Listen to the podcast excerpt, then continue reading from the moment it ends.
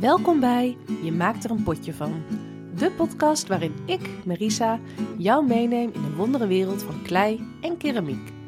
Technieken, verhalen, kunst, alles komt aan bod. Of je nu een doorgewinterde potterbakker bent of een nieuwsgierige beginner, laat je inspireren en informeren tijdens deze podcast. Vandaag in de podcast Sophie Goethals van Sogo Keramiek. Sophie is een pottenbakker en maakt strak, modern en 100% handgemaakt gebruiksgoed. Ze doet vooral seriewerk en maakt serviesgoed voor zowel particuliere klanten als bedrijven. Naast het draaien van bestellingen deelt ze ook graag haar passie voor draaien en glazuurchemie tijdens workshops. Sophie, welkom in de podcast. Hey. Hey, ik ben heel erg blij dat je er bent.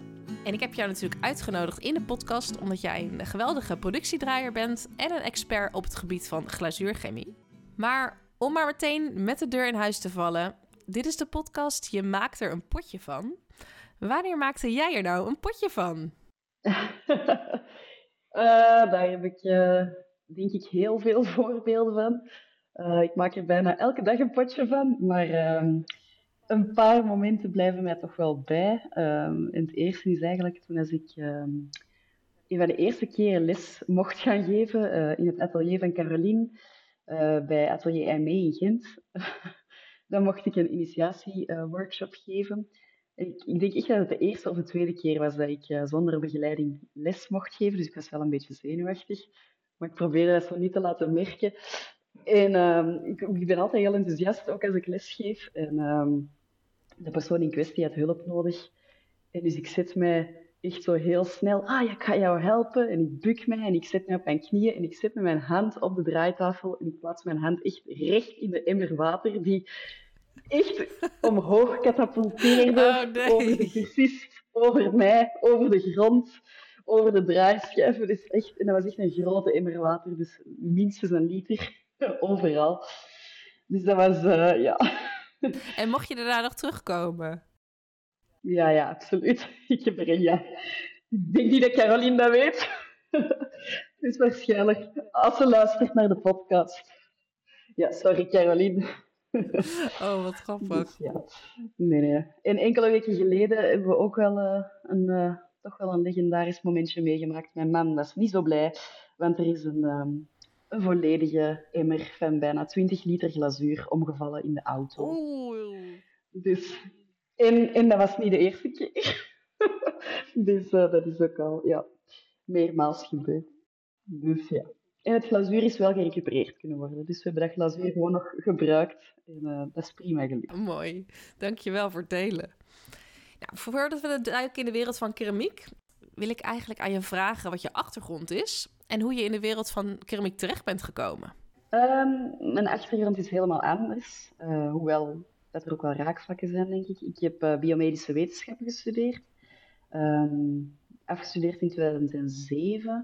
En dan heb ik eigenlijk tot uh, 2020 in um, zowel de Universiteit van Antwerpen als het Universitair Ziekenhuis van Antwerpen gewerkt. Eerst echt als onderzoekstechnoloog, dus in het labo. En daarna um, ook nog wel um, betrokken bij het labo en wetenschappelijk onderzoek. Uh, en heeft mij altijd super hard geboeid. Ik deed die job ook echt heel graag. Uh, maar ja, dan eigenlijk puur, louter toevallig, ben ik uh, in de keramiek gerold. ik zocht misschien wel een nieuwe hobby. En de neef van mijn mama was pottenbakker. En ik was naar de eerste aflevering, heel toevallig, naar de eerste aflevering van The Great Pottery Throwdown aan het kijken. Op BBC. En dat was toevallig, want eigenlijk hadden wij thuis ik keek nooit naar BBC, maar ik was op reis en ik was aan het sappen s'avonds. Ik was daar alleen met de kindjes, die lagen al in bed. En ik zag dat en ik dacht, wow, dit is zo cool. En ik had dat ooit gedaan toen als ik 16 was, want mijn mama deed vroeger ook pottenbakken. Ik dacht, ja, dit wil ik, dit wil ik terug proberen. Ik heb dan gemaild, heel impulsief, uh, naar die neef van mijn mama, of dat die nog plaats had. En dat was eigenlijk niet het geval. Marianne wou toch een uitzondering maken voor voor, voor zijn nichtje. En zo ben ik er eigenlijk echt uh, super toevallig uh, ingerold. En ik denk dat veel pottenbakkers of mensen die nu luisteren, dat wel gaan herkennen. Dat dat een zeer uh, obsessieve hobby, meteen een passie. En dat dat zeer verslavend is. Hè. Dus ik ben eigenlijk niet meer gestopt. En hoe lang geleden is dat, die eerste ervaring? Ehm, mijn eerste pottenbakles is nu ja, 2016. Dat is in januari 2016 ben ik begonnen. Ja, fantastisch. Ja. En ik herinner me ook de eerste keer nog heel goed. Ik kwam van mijn werk rechtstreeks, dat was in de Kempen in Lille, dat is voor ons toch bijna 40 minuten rijden. Ik had me gehaast, de kinderen moesten nog eten hebben, dat was echt super hectisch. En ik kwam aan in die pottenbakles en dat waren allemaal mensen met heel veel ervaring die er al zaten. En ik kwam er dan aan als beginner. En ik weet dat nog goed, want ik had mij niet omgekleed. Ik had geen schort aan. Ik had een hemd aan en een leren broek. weet ik ook nog. Met hakken. En die mensen keken echt zo, wat kom jij hier doen? Maar ehm, ja, die uh, leren broek heb ik al lang niet meer. Dus uh, nu draai ik alleen nog maar joggingbroeken. ja. Want hoe voelde dat voor jou toen je dan voor het eerst achter die draaischijf weer zat? Kan je dat nog voor de geest Ehm, halen? Ja, eh, ik vond dat zeer moeilijk. Ehm, ik, hield wel meteen van dat gevoel van die klei die zo glijdt door je handen. Dat vond ik super leuk, maar ik weet wel, allee, veel mensen zeggen van ah, pottenbakken, dat is yoga voor de geest, en dat is een zenmoment, een meditatie. Maar dat gevoel, dat heb ik eigenlijk niet. Ik heb dat zelden of nooit zo ervaren. Ik vind dat super leuk. ik wil dat ook goed kunnen, maar ik vind dat frustrerend, of vond dat frustrerend in het begin en moeilijk ook wel echt. Maar het, uh, als het dan lukt en als je met je handen iets kunt creëren en dat gaat goed vooruit, dat vind ik er ook heel leuk aan, dat dat snel kan gaan als je dat goed kan. Ja, dat is fantastisch. Hè? Maar zo echt dat meditatieve, dat heb ik zelf nooit ervaren. Misschien nu wel, omdat ik het nu echt goed kan en goed beheers. Uh, maar zeker niet de eerste jaren. Absoluut niet. Nee, want je zegt inderdaad de eerste jaren. Wat was nou het moment op, waarop je dacht van, nou, nu lukt het gewoon echt? Um, eigenlijk echt nog maar heel recent. Ik ben een paar maanden geleden... Het lukt al wel langer echt heel goed. En, en zeker in serie draaien. Dat zijn kleine vormen. Dat, dat vloeit echt uit mijn handen. Daar moet ik niet over nadenken. Maar zo grotere vormen of meer gewicht... Uh, dat oefen ik eigenlijk nooit, omdat ik, ik werk heel veel bestellingen en ik ben eigenlijk altijd met die bestellingen bezig en zo echt hobby draaien of voor het plezier, dat doe ik weinig. Maar daarvoor ga ik altijd op workshop en ik kies, ja, ik doe echt zelf nog heel veel workshops. En ik was um, in Brussel, had ik mij ingeschreven bij José Mariscal, misschien ken je die wel. Dat is een super goede draaier. En ik had al veel les bij hem gevolgd. En ja, ik zat daar en ik, ik, ik had veel klei genomen en ik had nog eens goed gekeken naar hoe hij dat deed. Um, en ik had echt zijn techniek ook toegepast. En José keek naar mij en ik keek naar hem en hij zei, Sophie, now you really feel the clay. Ah, en, dus, mooi. hij, hij wist het en ik wist het zelf ook. Van, ja, ik, ik, ik voel het nu echt. Ik denk dat ik echt weet. Ik moet er niet meer over nadenken. Het gaat echt redelijk vanzelf. Ik heb het daar wel over centreren en de eerste optrekbeweging en niet dat de vormgeving of zo altijd vanzelf gaat, totaal niet. Maar wel, ik moet, het, het, het vloeit echt uit mijn handen. Het gaat, het gaat gemakkelijk nu. Mooi. Dus uh, ja. ja, superleuk gevoel. Ja. Ja. Nou, je bent bekend natuurlijk om je strakke en moderne en minimalistische stijl. En je zei net al, je werkt veel in opdracht als productiedraaier, seriedraaier. Kun je ons iets meer vertellen Ja. over wat jou eigenlijk aantrekt in het eh seriedraaien en het creëren van gebruiksgoed? Ehm, ja, ik ben er eigenlijk al vanaf het begin eh, door gefascineerd. Ik denk voor mij persoonlijk eh, dat dat de snelheid is. De snelheid waarmee dat je eh, objecten kan maken. Ik ben een zeer ongeduldig persoon en dat werkt eigenlijk niet zo heel goed in het pottenbakken. En ik heb dat wel een beetje moeten afleren en ik denk dat ik ook veel beheerster of gewoon beheerst kan draaien, maar die snelheid of iets, dat moet vooruit gaan. En ik denk dat dat mij wel aantrekt. Ehm, gelijkvormige objecten draaien in een soort ritme, dat je lichaam werkt, maar dat je zelf niet meer de hele tijd erover moet nadenken. Ik vind, dat vind ik superleuk. Ja. En ik merk ook als ik eh, op sociale media of zo zelf zit, dat ik ook wel echt eh, altijd graag kijk naar mensen die heel vlot en snel draaien. Snel veel resultaat maken, ja, dat spreekt mij gewoon aan. Ja.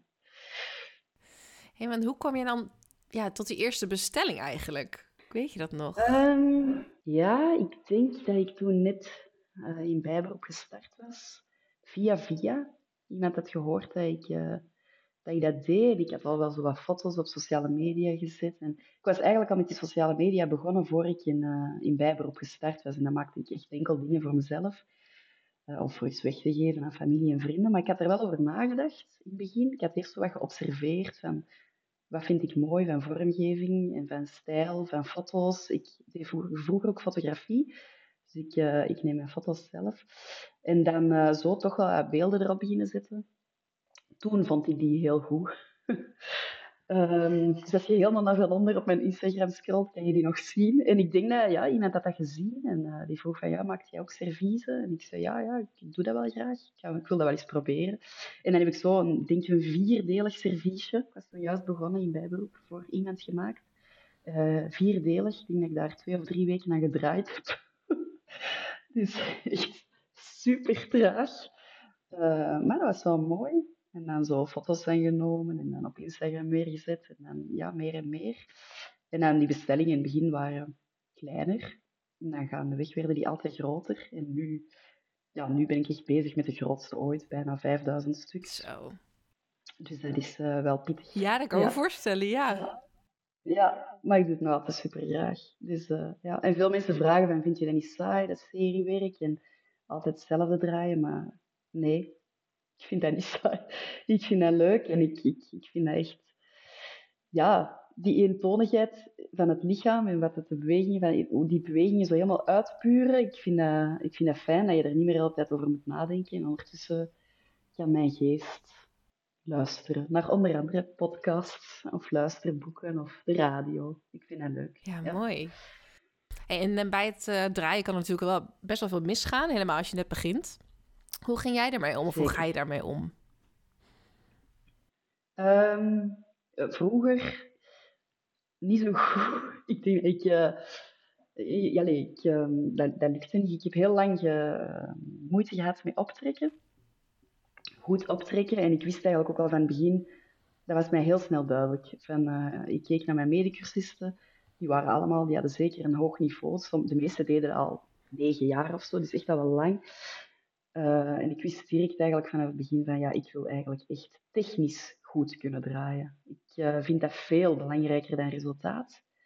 Uh, ik had ook al snel door dat zo die paar potjes dat je dan in het begin maakt, als je die een jaar later vastneemt, ja, die zijn super zwaar.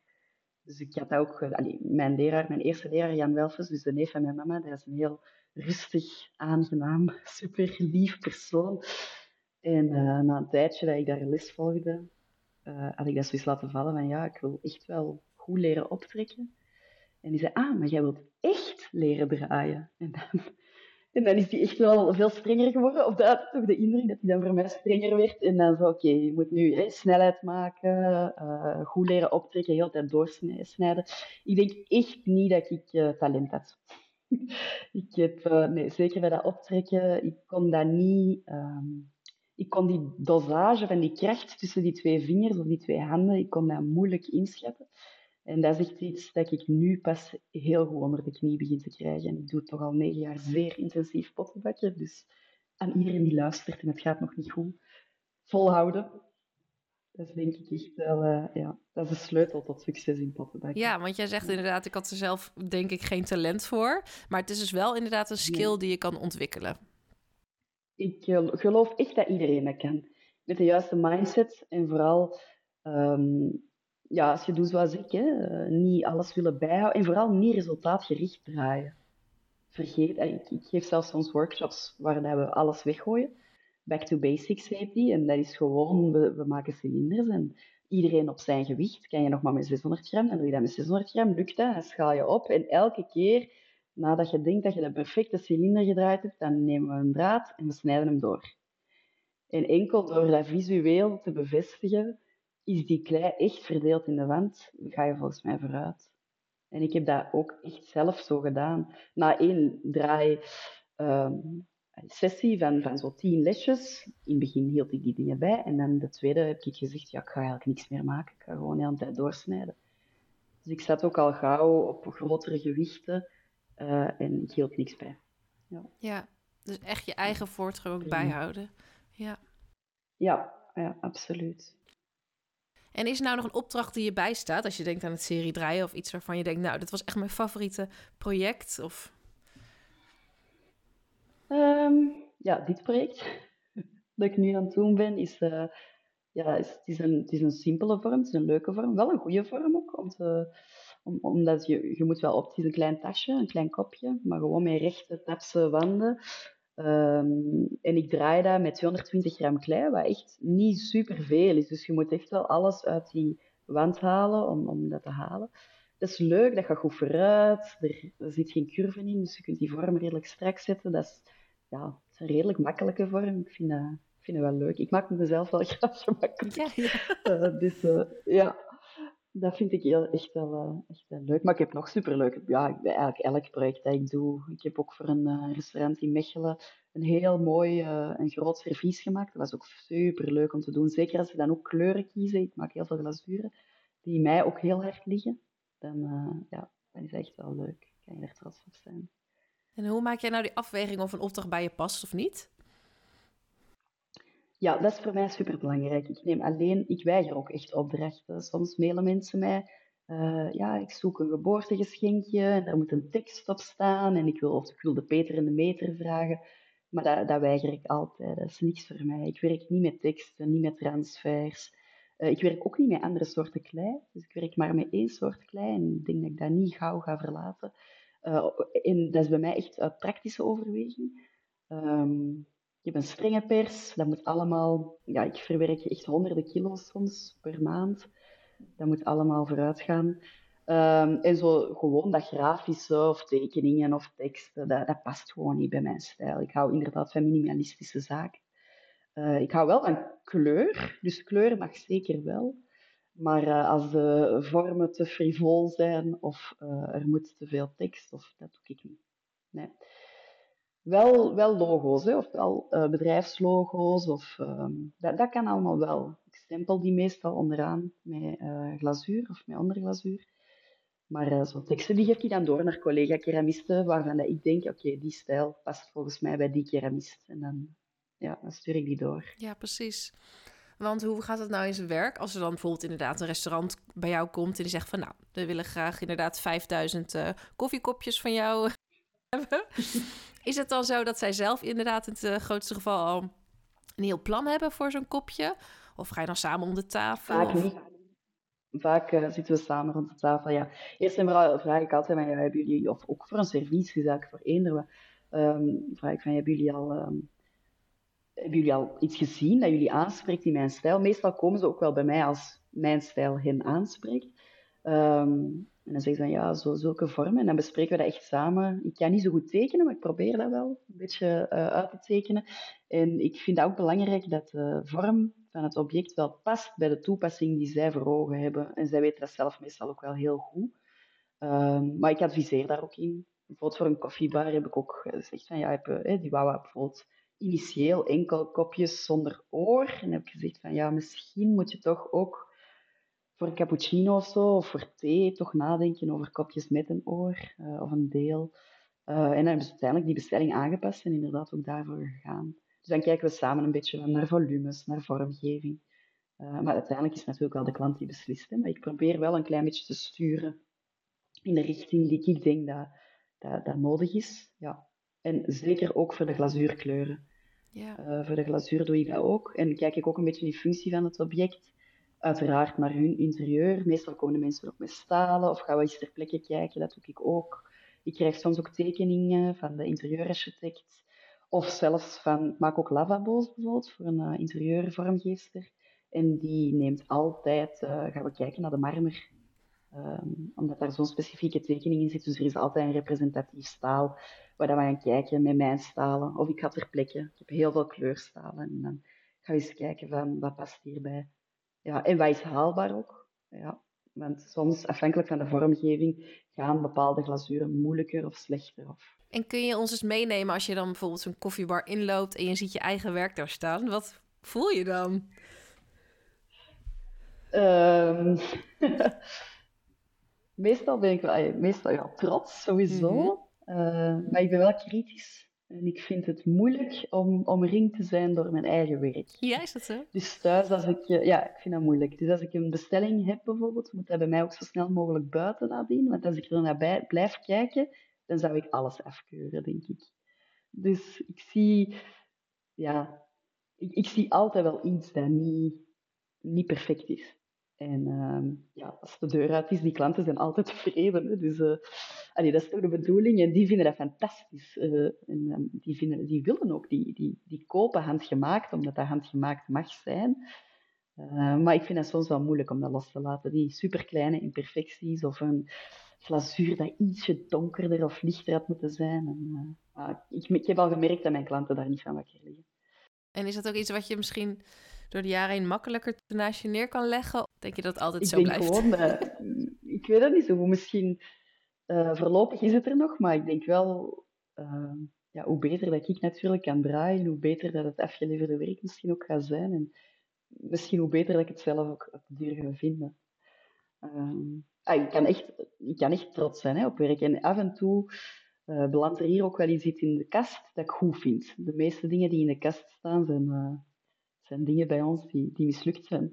Dus waar daar echt iets duidelijk mis mee is. Maar heel af en toe is er eens eentje over waar ik echt trots op ben. En dan denk ik, oké, okay, deze mag, uh, mag nu in de kast. Ja, dat... En dat is een kopje waar ik naar wil kijken. Ja, precies. Ja. Je noemde net even iets over je favoriete klei. Wil je dat misschien met ja, ons delen? Zeker, is niet speciaal. Ik werk met Duitse klei, ik werk met witgert. Um, witgert 11, dat is een witte steengoedklei zonder chamot. Er zit uh, ja, echt geen chamot in. Dus je voelt uh, een hele zachte klei. En ik recupereer die altijd zelf. Dus ik draai nooit, nooit mijn klei uit het pak. Uh, omdat die meestal voor mij te hard is. Um, als productiepottenbakker is het eigenlijk wel belangrijk dat je ook een beetje denkt aan je lichaam. Um, en, en seriewerk en vooral serviesgoed, dat vereist eigenlijk helemaal geen harde klei. Integendeel, borden draaien, schalen draaien. Je wilt eigenlijk dat die klei zo zacht mogelijk is, zodat die goed open gaat. En zelf ook het optrekken van tasjes en zo. Als je een beetje kan draaien, mag die klei boterzacht zijn. Dan kan je die gemakkelijk optrekken. Dus mijn klei wordt altijd um, gemengd met uh, recup.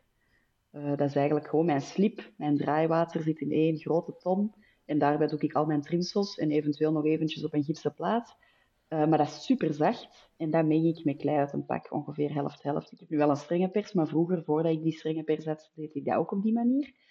En dan uh, heb je eigenlijk heb zelf heel goede controle over de consistentie van je klei. En bij mij, als mensen bij mij komen draaien, dan verschieten ze wel van hoe zacht dat die is. Maar dat is, ja, dat is polsen, hè? dus uh, ik, heb er weinig, ik heb er weinig moeite mee om dat te centreren. En dat is uiteindelijk wel de bedoeling. Niet ideaal als je hogere of grotere vormen uh, wilt draaien. Dan moet het wel wat harder zijn.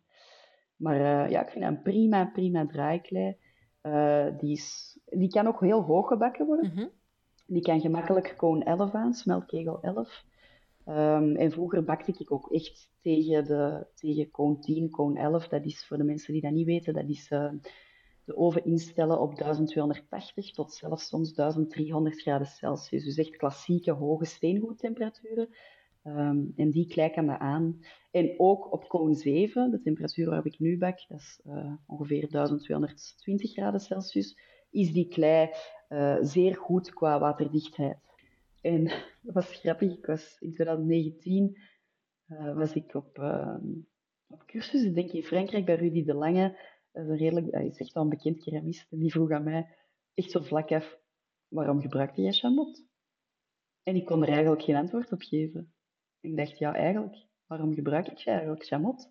Ik maak, ik maak serviesgoed, dat is klein, dat heeft die stevigheid die chamot mogelijk extra brengt niet nodig. De krimp is eigenlijk bij die steengoed ook geen probleem, dat is ook niet overdreven.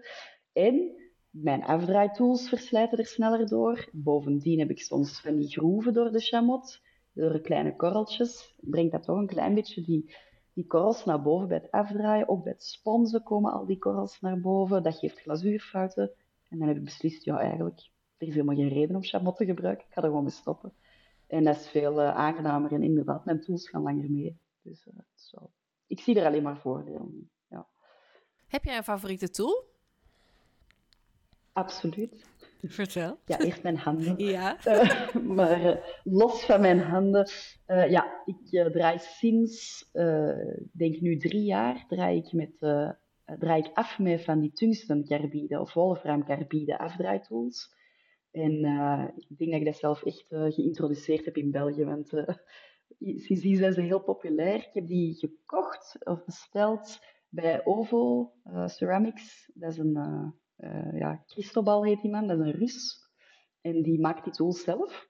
En ja, dat is fantastisch. Ik, als je dat eenmaal geprobeerd hebt, dan, dan wil je nooit meer zonder zoiets afdraaien.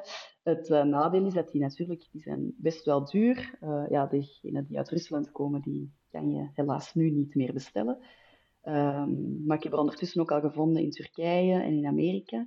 Maar ze zijn, zeer, uh, ja, ze zijn super prijzig, maar die slijten eigenlijk nagenoeg niet. Wolframcarbide of tungstencarbide is een, um, is van de hardste materialen ter wereld.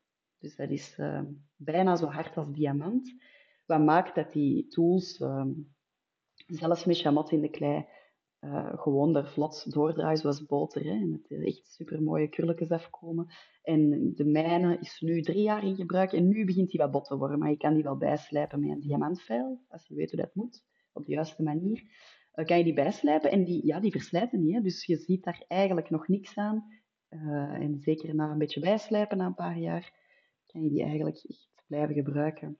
Um, het enige nadeel is, naast de prijs, is dat je ze absoluut niet mag laten vallen.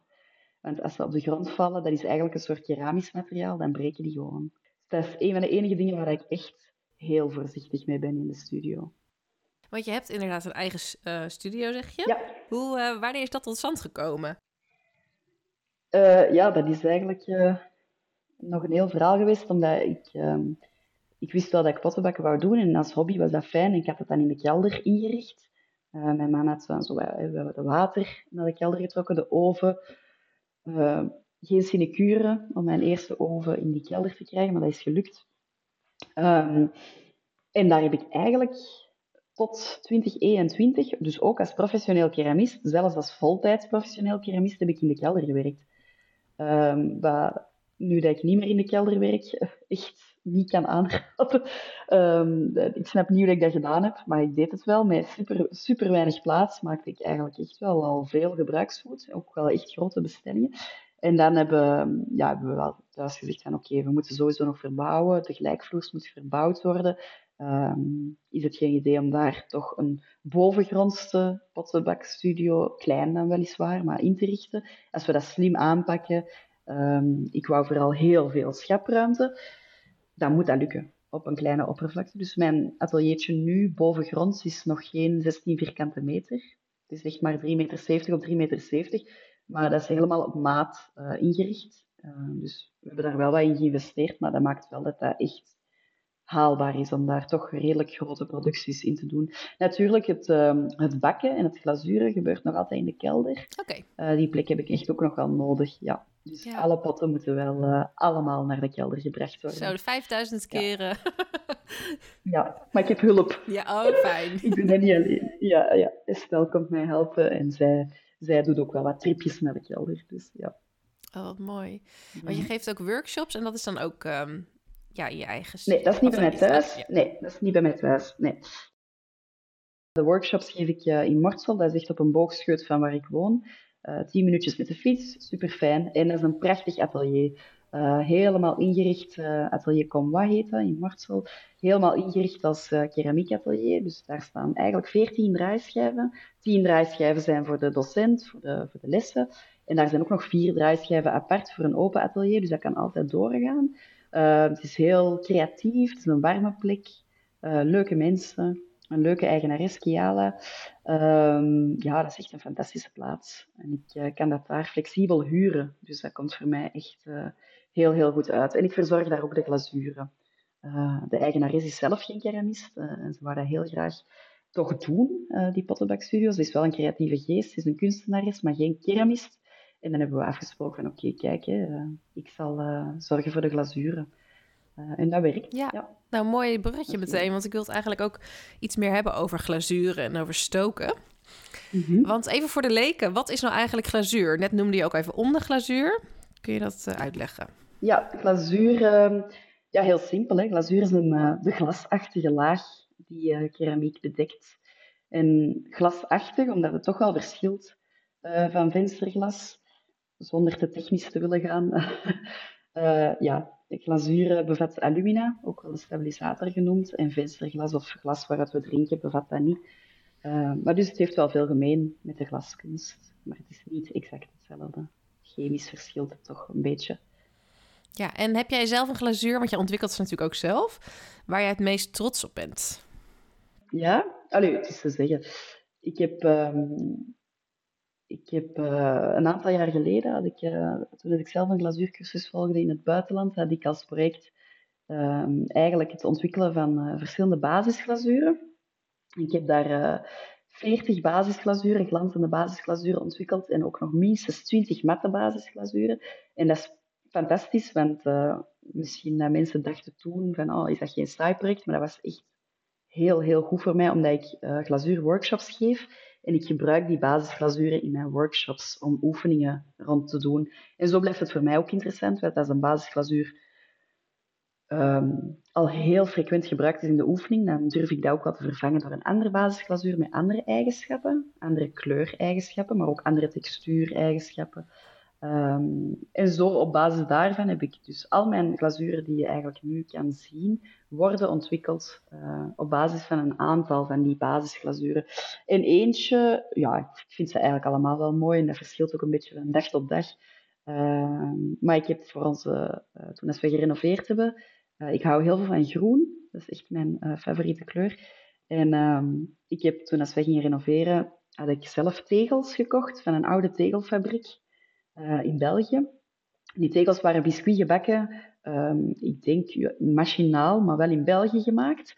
En biscuit gebakken, maar dus niet geglazuurd. En ik heb die tegels uh, op de kop kunnen tikken van een oude restaurateur die ermee ging stoppen. En ik heb al die tegels geglazuurd uh, in groentinten. En een van die glazuren, van die, dat zijn negen groentinten, en die hangen dus nu in onze keuken. En uh, een van die groentinten is uh, Lagoon. Lagoon, dat is een heel, uh, heel mooi uh, groen glazuur met een beetje hinten van paars en ook wel een beetje oker daarin. ik vind dat super mooi. Maar af en toe verandert het en vind ik weer iets anders mooi.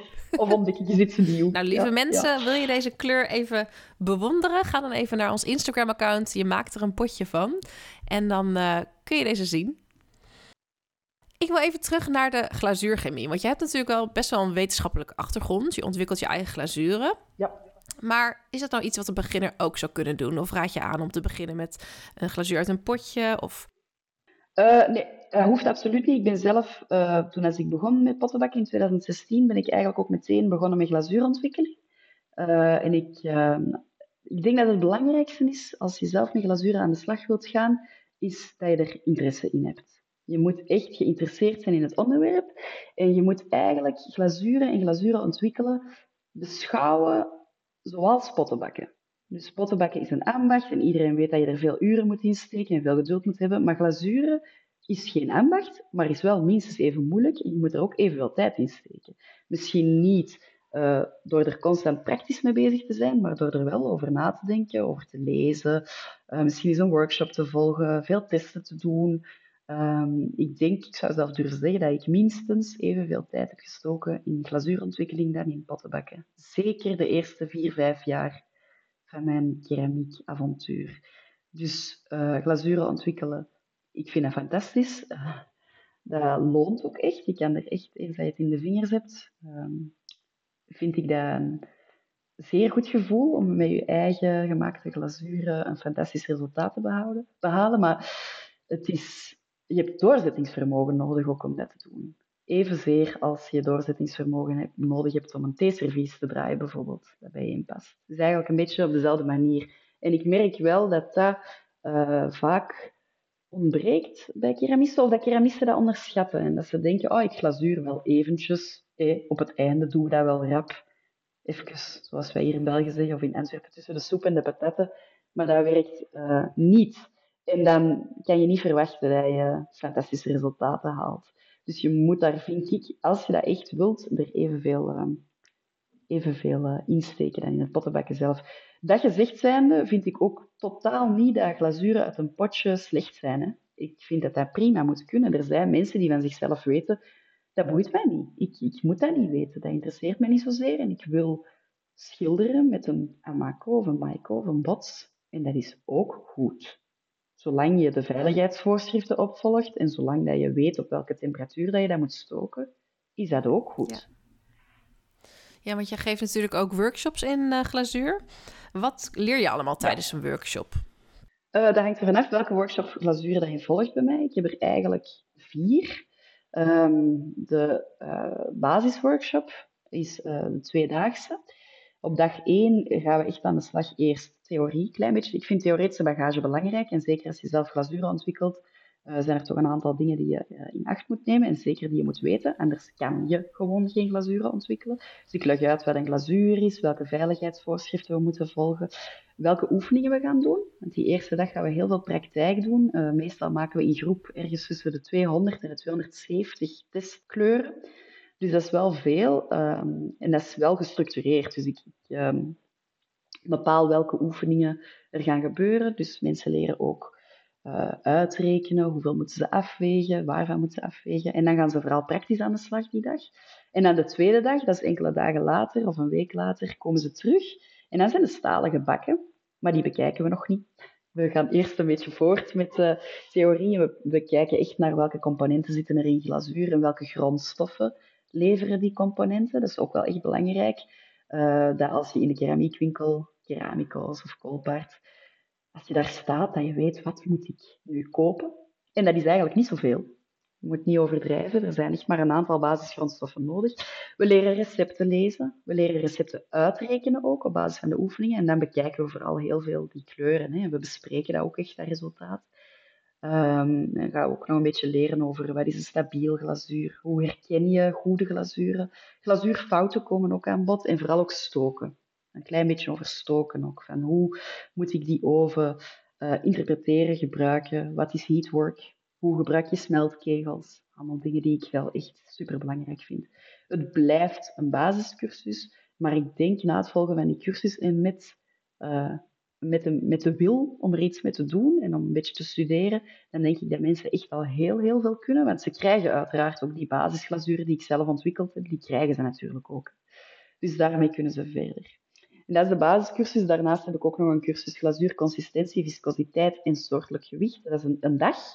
Uh, dus de tweede workshop die ik organiseer um, is ook eigenlijk voor mensen die nog niet per se veel van glazuren afweten. Dat moet zelf helemaal niet, maar die al wel geglazuurd hebben in de praktijk en die misschien problemen hebben ondervonden. Dan gaan we kijken naar hoe een glazuur zich gedraagt in de emmer. Um, hoe stroperig is dat glazuur? Sommige glazuren zijn dik, sommige glazuren zijn dun. En hoe beïnvloeden we dat gedrag? Zodat die glazuren eigenlijk goed presteren. Uh, want dat is super belangrijk om goede en vooral consistente resultaten te bekomen. Um, en in de namiddag van die workshop leren we eigenlijk, nemen mensen eigenlijk gewoon hun eigen probleemglazuren mee. En dan bekijken we live als een soort demo van wat is er mis met dit glazuur en hoe kunnen we dit oplossen. En dat doen we dan in groep, zodat mensen ook een beetje die theorie al instuderen, aldoende. Um, dus dat is de workshop glazuurconsistentie. Dan heb ik nog een derde uh, cursus, die is 2,5 dag. Die geef ik maar één keer per jaar, om de anderhalf jaar zelf maar, dus niet zo vaak. En dat is echt die hard glazuurtheorie, dus dat gaat redelijk diep. Um, ook heel veel toegespitst op uh, praktijk. Dus iedereen die in die workshop inschrijft, mag een eigen project indienen. Dus um, stel jij zegt, ik wil een roze mat glazuur ontwikkelen met misschien een klein beetje een spikkeltje, dan is dat jouw project en ik bereid dat voor, voor iedereen. We zijn met maximum 10 in de workshop. Super intensief, maar heel boeiend. Er komt echt wel wat theorie aan bod, uh, maar ook maar ook heel veel praktijk. En mensen moeten natuurlijk al wel voorkennis hebben, uh, want we gaan heel snel. En ik, uh, ik, ik, zet ze op weg, maar ze moeten zelf wel in de praktijk kunnen werken. Ook werken met Glazy komt daar heel uitgebreid aan bod. Dus ook als je dat nog niet kan, is dat geen probleem, want ik leg dat uit. Uh, na die cursus, dat loopt altijd heel goed. Um, en ik heb het gevoel dat mensen die dat volgen, ja, dan, die zijn echt weg. Die, die kunnen het echt. Ja. Die, ja, die kunnen ermee voort. Mooi. Ja, super fijn. Ja, dus beginners en gevorderden kunnen allemaal bij jou terecht. Mooi om te horen. Ja, ja, absoluut. En kun je iets meer delen over de uitdagingen die keramisten tegenkomen bij het eh, glazuren? Ja, zijn er, zijn er veel. Hè? Uh, ik denk, een van de grootste uitdagingen is dat als je een recept vindt op het internet of in een boek, dat je ten eerste uh, niet altijd kan beoordelen voor welke stooktemperatuur dat, dat geschikt is. Maar vooral denk ik, en dat heb ik zelf ook meegemaakt, is dat dat uh, resultaat totaal soms niet is wat dat de foto in het boek of op het internet zegt dat het moet zijn. En mensen wijzen dan heel vaak naar het recept. Ah, het zal, zal niet goed zijn, het recept, of ik heb het, ehm, misschien heb ik een foutje gemaakt. Maar meestal is het recept wel correct en hebben zij geen afweegfout gemaakt. Maar um, glazuren zijn heel, heel gevoelig aan veel factoren. En receptuur en ingrediënten, dat is maar één heel klein onderdeel. De laagdikte van een glazuur, hoe dik wordt het glazuur op de pot gezet, hoeveel water wordt er toegevoegd, op welke temperatuur wordt er gestookt, uh, welke koon wordt er gehaald, hoe is de afkoelsnelheid van de oven, zijn er nog andere potten in de oven die het werk kunnen beïnvloeden. Dat zijn allemaal factoren die een rol spelen en dat wordt vaak een beetje onderschat. Ja. En ik denk dat dat opgelost kan worden met kennis. En, uh, een workshop is handig. Ik heb veel zelf moeten ondervinden en leren. Een workshop is zeker handig. Er zijn er wel wat die workshops geven. Of boeken. Zelfstudie kan natuurlijk ook. Hè. Uh, maar uh, ik denk wel dat als je echt goede resultaten wilt en je wilt afstappen van een standaard kwastglazuur, en zelfs met kwastglazuur kan je die problemen hebben, maar ik denk echt als je een klein beetje voort wilt gaan en wat dieper wilt gaan, en goede resultaten wilt hebben, dat je echt wel de moeite moet doen om jezelf te verdiepen. Maar ik ben wel zeker dat dat voor iedereen haalbaar is. Iedereen met interesse kan dat. Dat is echt geen rocket science. Okay. Nou, dat is goed om te horen. ja. En qua stooktechnieken, is dat ook, heb je dat gewoon geleerd door inderdaad ook te proberen, trial and error? Ja, ik, uh, ik ben iemand die wel niet, ik ben niet bang van experimenteren en proberen. Um, ik zie dat soms, ik, zie dat eigenlijk veel in mijn cursussen, dat mensen um, drempelvrees hebben voor glazuren, maar ook voor hun oven. Uh, die oven, die controller die, die je erbij krijgt of die je erbij koopt, die wordt door veel mensen, hoewel dat die misschien maar vijf knopjes bevat, die, die durven daar niet aanraken. Die durven geen curves veranderen, ze weten ook niet zo goed dat dat werkt. Ze lezen hun boekje ook niet. Ze denken echt dat is een zwarte, grote, grijze, magische doos. En ik steek daar dingen in. ik, uh, ik zet de oven op en het moet er dan altijd maar goed uitkomen. Maar ja, aan zich is dat, is dat geen ingewikkeld toestel. Hè. Ik zeg altijd, de, de, de vaatwasser heeft mogelijk meer knoppen dan de oven. En die durven we allemaal wel gebruiken, maar die oven eigenlijk niet. Dus het is een belangrijke, een belangrijke tool voor een keramist en niet onmogelijk om te leren kennen, helemaal niet. Um, maar je moet er een beetje, ja, klein beetje tijd in investeren, of een beetje opzoeken. Smeltkegels gebruiken tijdens het stoken. Weten op welke temperatuur en in welke tijd dat je stookt. Jouw mate van heatwork kennen. Dat zijn allemaal belangrijke factoren om uh, goede resultaten te behalen in keramiek. Ja. ja. En heb jij nog wat tips voor echte beginners die denken van, nou, ik ga nu beginnen met glazuren. Um, misschien thuis of misschien bij een studio. Zijn er dan nog een aantal tips die je kan toepassen, zodat je iets meer kans hebt op een mooi resultaat? Ja, als je echt een beginner bent, dan raad ik aan om uh, misschien toch eerst een poederglazuur of zelfs misschien een kwastglazuur te kopen, gewoon om eens te beginnen. Ten eerste, let op het etiket. Kijk wat er op het etiket staat. Meestal staat er iets op als het een Engelstalig glazuur is, iets van cone 6, cone 7 of kegel 6, kegel 7. Um, soms staat daar ook op cone 04 bijvoorbeeld, of cone 06. Dat is iets anders dan cone 6. Dat is belangrijk. Je moet kijken, staat er uh, stoneware op, steengoed, staat er earthenware op, aardewerk. Dat zijn twee grote verschillen. Een aardewerkglazuur kan je niet zomaar op steengoed temperaturen stoken. Dus als je steengoed klei gebruikt, dan is dat klei die bedoeld is om op redelijk hoge temperaturen finaal gestookt te worden. En met redelijk hoge temperaturen bedoel ik 1200 graden of hoger. Als je een aardewerkglazuur op die temperatuur stookt, dan gaat dat er super hard afdruipen. Dus dat is belangrijk. En ook het omgekeerde. Zorg dat je geen aardewerk klei stookt op steengoed temperatuur, want dan smelt de klei. Dus dat zijn uh, dingen die ik in het begin bijvoorbeeld al moeilijk vond. Gewoon al de weg vinden tussen welke klei en welke glazuur moet er op welke klei. Dus steengoed glazuren zijn glazuren die hoger gestookt mogen worden. Die passen het best bij steengoed klei, die die temperatuur ook aan kan. Dus dat is belangrijk dat je daar zeker op let, dat die twee al mhm. matchen. En dan, um, als je de eerste keer je oven gebruikt, ja, lees je een beetje in. Zorg dat je wel een beetje weet hoe dat die oven werkt. Um, en ook, ah ja, ik heb het al een aantal keer gezegd, maar gebruik vanaf het begin af en toe smeltkegels in de oven. Um, als je bijvoorbeeld een koon 6 glazuur gebruikt, dan moet je eigenlijk een koon 5,5, een koon 6 en een koon 7 mee in je oven stoken. En dan kan je zien, afhankelijk van de buiging van die smeltkegel, ehm, kan je zien of dat je die juiste koon gehaald hebt. Idealiter, in het voorbeeld dat ik net gaf, is na jouw stook koon 6 perfect gebogen en staat koon 5,5 helemaal, ligt die helemaal plat en staat koon 7 nog recht. Dan weet je, oké, ik stook op koon 6. Heel veel mensen weten dat niet en dat kan problematisch worden als je glazuren hebt met een, snel, een smal of een nauw smeltbereik. Sommige glazuren kan je echt smelten op een 20, 30 graden Celsius. Verschil beginnen die echt af te druipen of zijn ze niet goed gesmolten die glazuren bestaan. En als je dan niet weet op welke manier je stookt, wordt het moeilijk om uh, reproduceerbare resultaten of gewoon goede resultaten te halen. En ook, misschien een, een beetje een lullige tip, maar toch wel belangrijk, je mag niet te snel opgeven. Als je een glazuur koopt, en dat is een kwastglazuur of een poederglazuur, moet je er altijd eerst van uitgaan, oké, dit recept, theoretisch moet dat werken.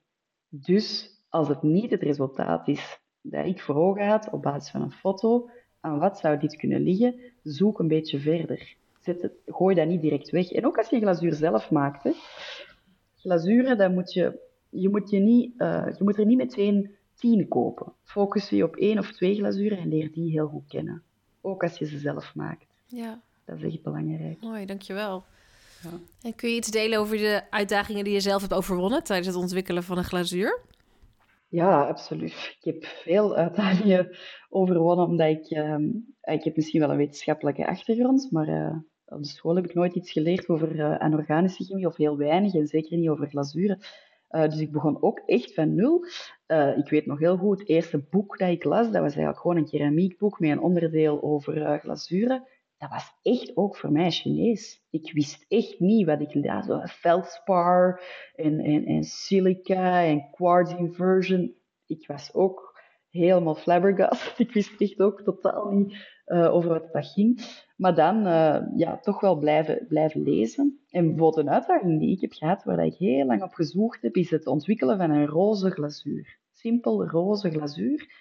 Ik wist welke kleurende oxides en welke combinatie uh, roze gaven. Dat is uh, 10 chroom roze, is een heel bekende manier om roze glazuren te maken. En ik bleef dat maar proberen en dat kwam altijd bruin met een misschien vleugje roze uit de oven, maar dat bleef maar bruin zijn.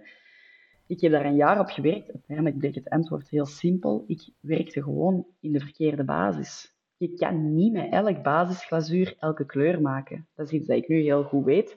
Maar toen wist ik dat niet. Ja, dan kan je natuurlijk lang groeien totdat je ontdekt dat er geen zink of magnesium uh, in dat basisglazuur mogen zitten om dat 10 chroom roze te laten werken. Dus dan kan je natuurlijk lang knoeien. Um, en dan had ik misschien toen wel liever gehad dat er een cursus bestond. Dat was toen niet. Ja. En hoe hou je al die experimenten bij?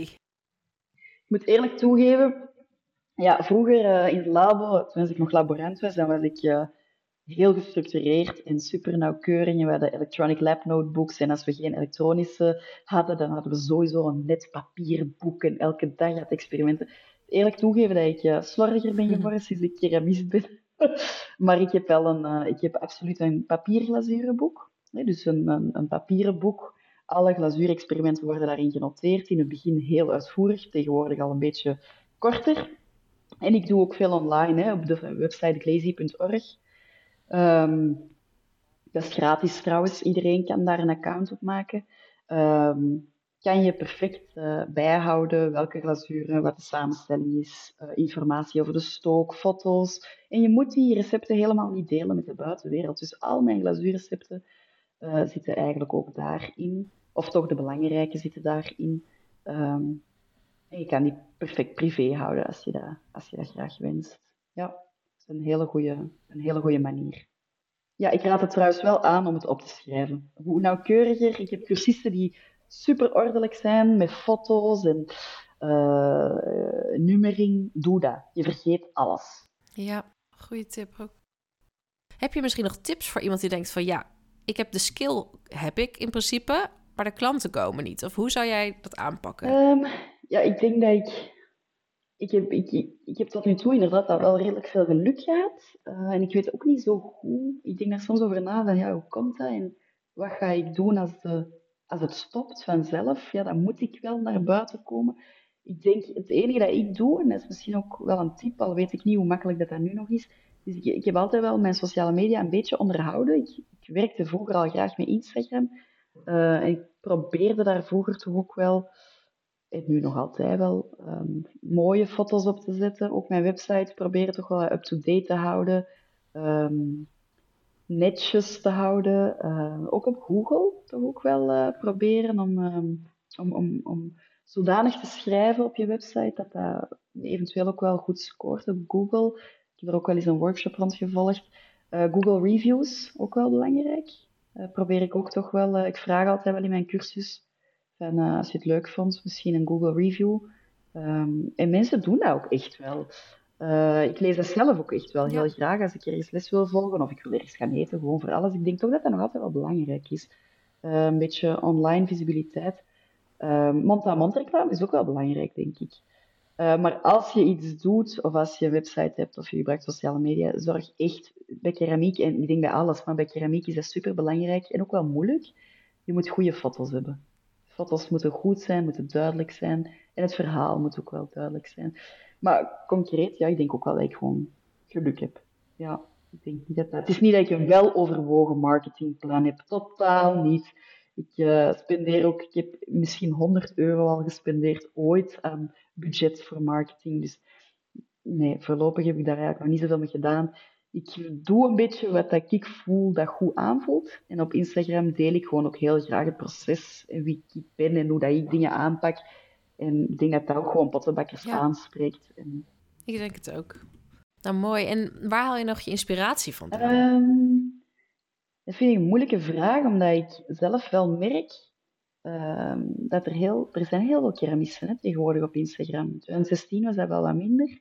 Uh, en toen was ik zo direct begonnen met... Ja, Florian Gatsby is een heel, heel grote... Ja, inspiratie is misschien een fout woord, want wat hij misschien van vormgeving doet of glazuren doet, dat is niet iets dat ik zou willen kopiëren, maar zijn werkethiek en de manier waarop hij dingen aanpakt, dat wel. Daar heb ik heel veel van geleerd.